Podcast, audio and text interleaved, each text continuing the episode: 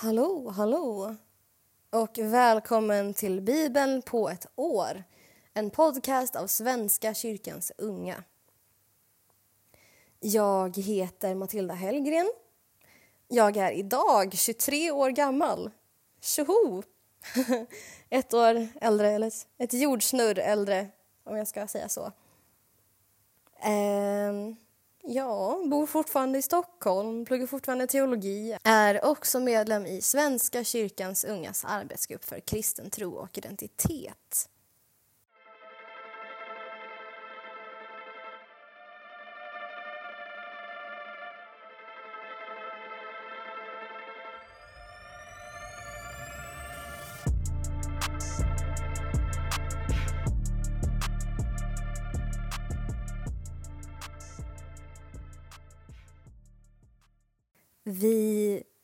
Ber.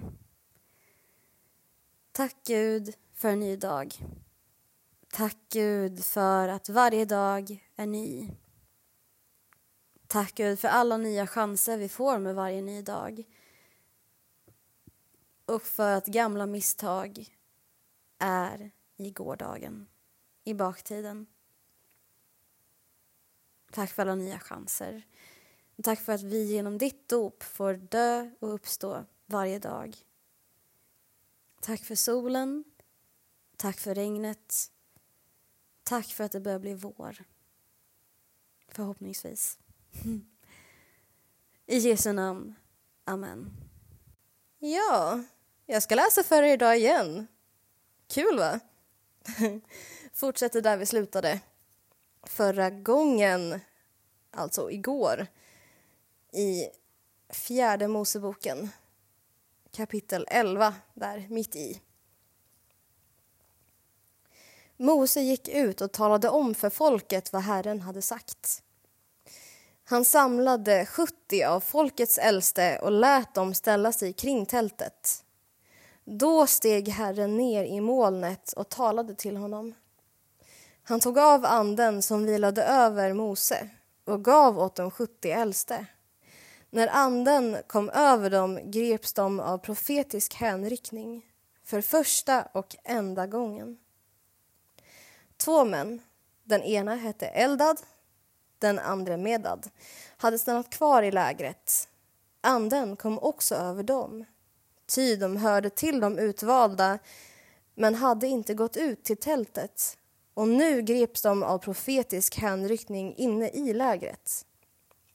En pojke sprang bort till Mose och talade om att Eldad och Medad profeterade i lägret. Josua, Nuns son, som hade tjänat Mose från ungdomen vände sig då till honom och sa Hejda dem, Herre. Men Mose svarade Blir du kränkt på mina vägnar? Om ändå hela Herrens folk vore profeter om Herren ändå ville låta sin ande komma över dem alla sedan återvände Mose till lägret tillsammans med Israels äldste. Nu for en vind ut från Herren och drev med sig vaktlar från havet. De flaxade på en meters höjd runt hela lägret ända till en dagsmarsch därifrån. Folket började fånga vaktlar och höll på hela dagen och hela natten och hela nästa dag och ingen fick ihop mindre än tio homer. Man bredde ut vaktlarna runt omkring lägret. De hade just satt tänderna i köttet men ännu inte hunnit tugga när Herrens vrede mot folket flammade upp igen. Herren dödade i ett slag en stor mängd av dem. Platsen fick namnet Kivrot Hatava eftersom de som varit lystna fick sina gravar där. Folket bröt upp från Kivrot Hatava och tågade till Haserot. Medan de var där började Miriam och Aron att klandra Mose för hans kushitiska hustru. Han hade nämligen tagit sin hustru från Kush. De sade, är Mose den enda som Herren talar till? Han talar väl till oss också? Herren hörde det. Men Mose var en mycket ödmjuk människa. Ödmjukare fanns inte på jorden. Plötsligt sade Herren till Mose och Aron och Miriam Gå ut till uppenbarelsetältet, alla tre. Och alla tre gick dit. Herren steg ner i en molnpelare, ställde sig vid ingången till tältet och kallade på Aron och Miriam. De båda steg fram och han sa Lyssna till Herrens ord. Finns det en profet bland er visar jag mig för honom i syner. Talar jag till honom i drömmar. Inte så med min tjänare Mose. Honom har jag anförtrott hela mitt hus. Till honom talar jag öga mot öga, öppet, inte i gåtor. Han skådar Herrens gestalt. Hur kan ni vara så järva att ni klandrar min tjänare Mose? Herrens vrede flammade mot dem och han lämnade dem. Men när molnet höjde sig från tältet hade Miriam blivit vit som snö av spetälska. Aron vände sig mot henne och när han såg att hon blivit spetälsk sa han till Mose Nåd, Herre, straffa oss inte för en synd som vi var dåraktiga nog att begå. Låt henne inte bli som ett dödfött foster som är halvt förruttnat när det kommer ut ur moderlivet. Då ropade Mose till Herren. Nej, nej, gör henne frisk igen. Herren svarade honom. Om hennes far hade spottat henne i ansiktet hade hon fått sitta med sin skam i sju dagar. Nu ska hon i sju dagar hållas utestängd från lägret. Sedan får hon släppas in igen.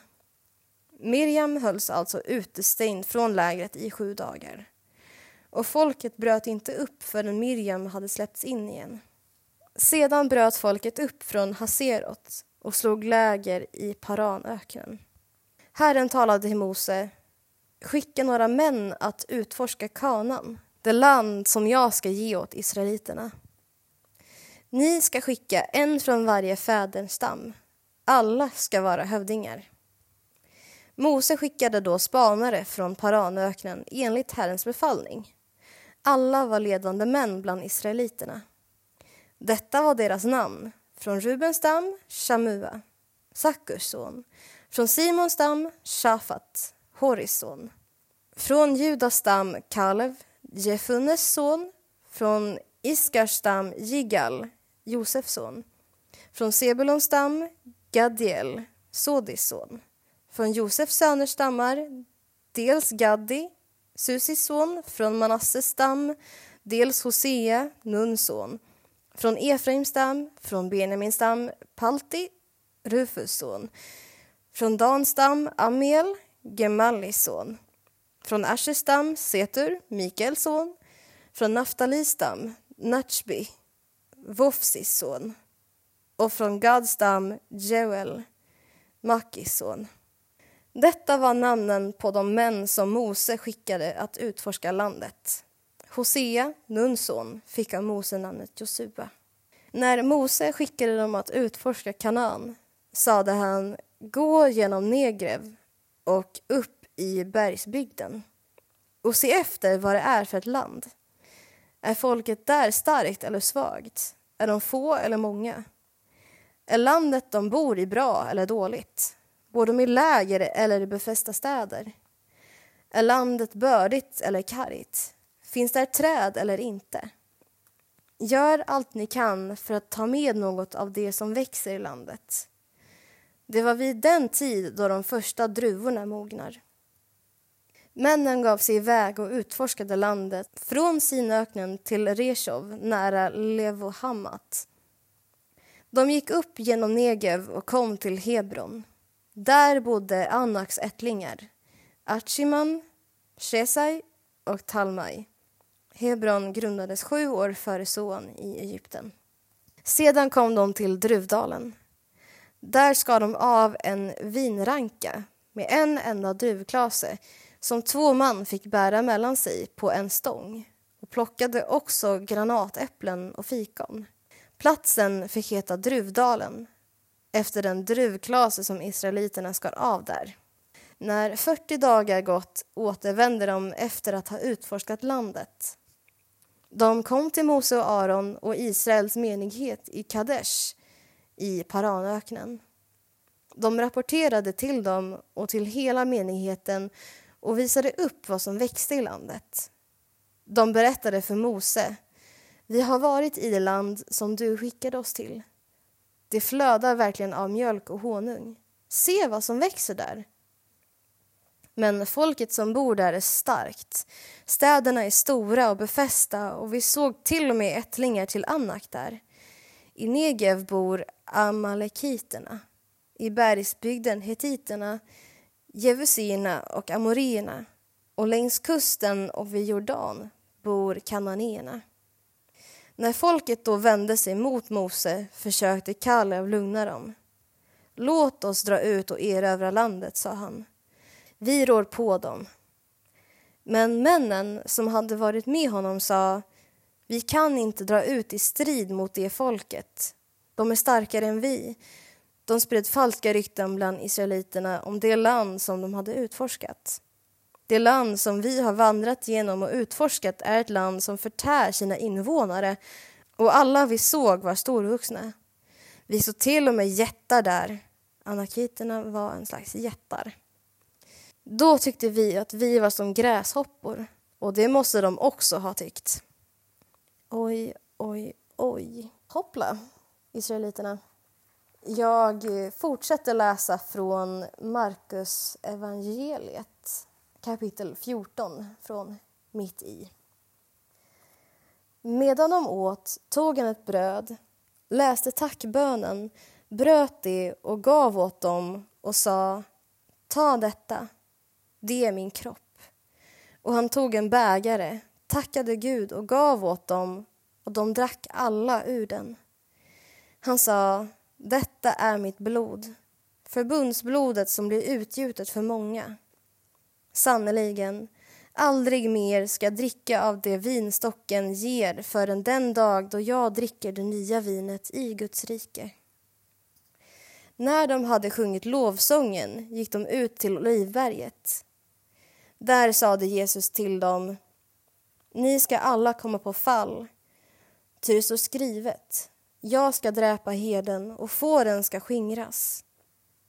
Men när jag har uppstått ska jag gå före er till Galileen. Då svarade Petrus, även om alla andra kommer på fall så ska jag inte göra det. Jesus sa, sannerligen, redan i natt, innan tuppen gal två gånger, ska du tre gånger ha förnekat mig. Men Petrus försäkrade, om jag så måste dö med dig ska jag aldrig förneka dig. Och detsamma sade han till alla de andra. Så kom de till ett ställe som heter Getsemane. Och han sade till lärjungarna, sitt kvar här medan jag ber. Men de tog med sig Petrus, Jakob och Johannes.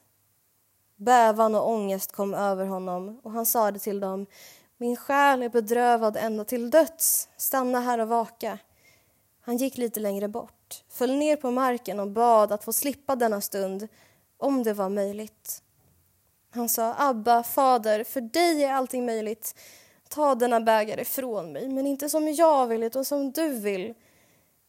När han kom tillbaka fann han att de sov, och han sade till Petrus, Simon, sover du? Orkade du inte hålla dig vaken en enda timme? Vaka och be att ni inte utsätts för prövning. Anden vill, men kroppen är svag. Så gick han bort igen och bad med samma ord. När han kom tillbaka fann han igen att de sov och kunde inte hålla ögonen öppna och de visste inte vad de skulle svara. För tredje gången kom han tillbaka och då sa han Ja, ni sover och vilar er. Det räcker nu, stunden är inne. Människosonen skall överlämnas i syndarnas händer. Stig upp, låt oss gå. Här kommer han som ska förråda mig. Medan han ännu talade kom Judas, en av de tolv och med honom en folkhop med svärd och påkar utsänd från översteprästerna och de skriftlärda och de äldste. Förrädaren hade kommit överens med dem om ett tecken. Den som jag kysser är det. Grip honom och för bort honom under säker bevakning. När han nu kom dit gick han genast fram till Jesus. Rabbi, sade han och kysste honom. Då grep de Jesus och höll fast honom. Men en av dem stod där, drog sitt svärd, slog till mot översteprästens tjänare och högg av honom örat. Då sa Jesus till dem, Som mot en rövare har ni gått ut med svärd och påkar för att fängsla mig. Var dag har jag varit med er i templet och undervisat utan att ni har gripit mig. Men skriftens ord skulle gå i uppfyllelse. Alla övergav honom och flydde. En ung man som bara hade ett linneskynke på sig ville följa med Jesus. Honom tog de fast, men han lämnade skynket kvar och sprang sin väg naken. Jag ska också läsa ur Saltaren, nummer 52. För körledaren, en dikt av David. När Doeg från Edom hade berättat för Saul att David tagit in hos Akimelek. Varför skryter du över det onda och förhäver dig mot den fromme? Ständigt tänker du ut fördärv. Din tunga är som en vässad kniv, du är full av svek. Du älskar det onda mer än det goda, kommer hellre med lögn än med sanning. Du älskar ord som gör skada och svekfullt tal. Därför ska Gud krossa dig för alltid, gripa dig, slita dig ur ditt tält, rycka dig bort från de levandes land. De rättfärdiga ska se det och bäva och de ska le och säga där är en man som inte gjorde Gud till sitt värn. Han litade på sin rikedom. Han sökte skydd i vad han ägde. Men jag är som ett olivträd, grönskande i Guds hus. Jag litar på Guds godhet, nu och för evigt. Jag ska alltid tacka dig för vad du gjort och förkunna ditt namn för dina trogna. Ty det är gott. Jag ska också nu till sist läsa från Ordspråksboken kapitel 11, vers 1-3. Herren avskyr fusk med vågen. Rätt vikt behagar honom. Övermod har skam i släptåg. Vishet finns hos de saktmodiga. Den ärlige leds av sin redbarhet. Den svekfulles falskhet blir hans fall. Och vi ber Gud som haver tillsammans. Gud som haver barnen kär, se till mig som liten är. Vart jag mig i världen vänder står min lycka i Guds händer. Lyckan kommer, lyckan går, du förbliver Fader vår. Amen. Tack för att ni har lyssnat. Tack för allt hittills. Glid i frid, så hörs vi och ses vi imorgon igen.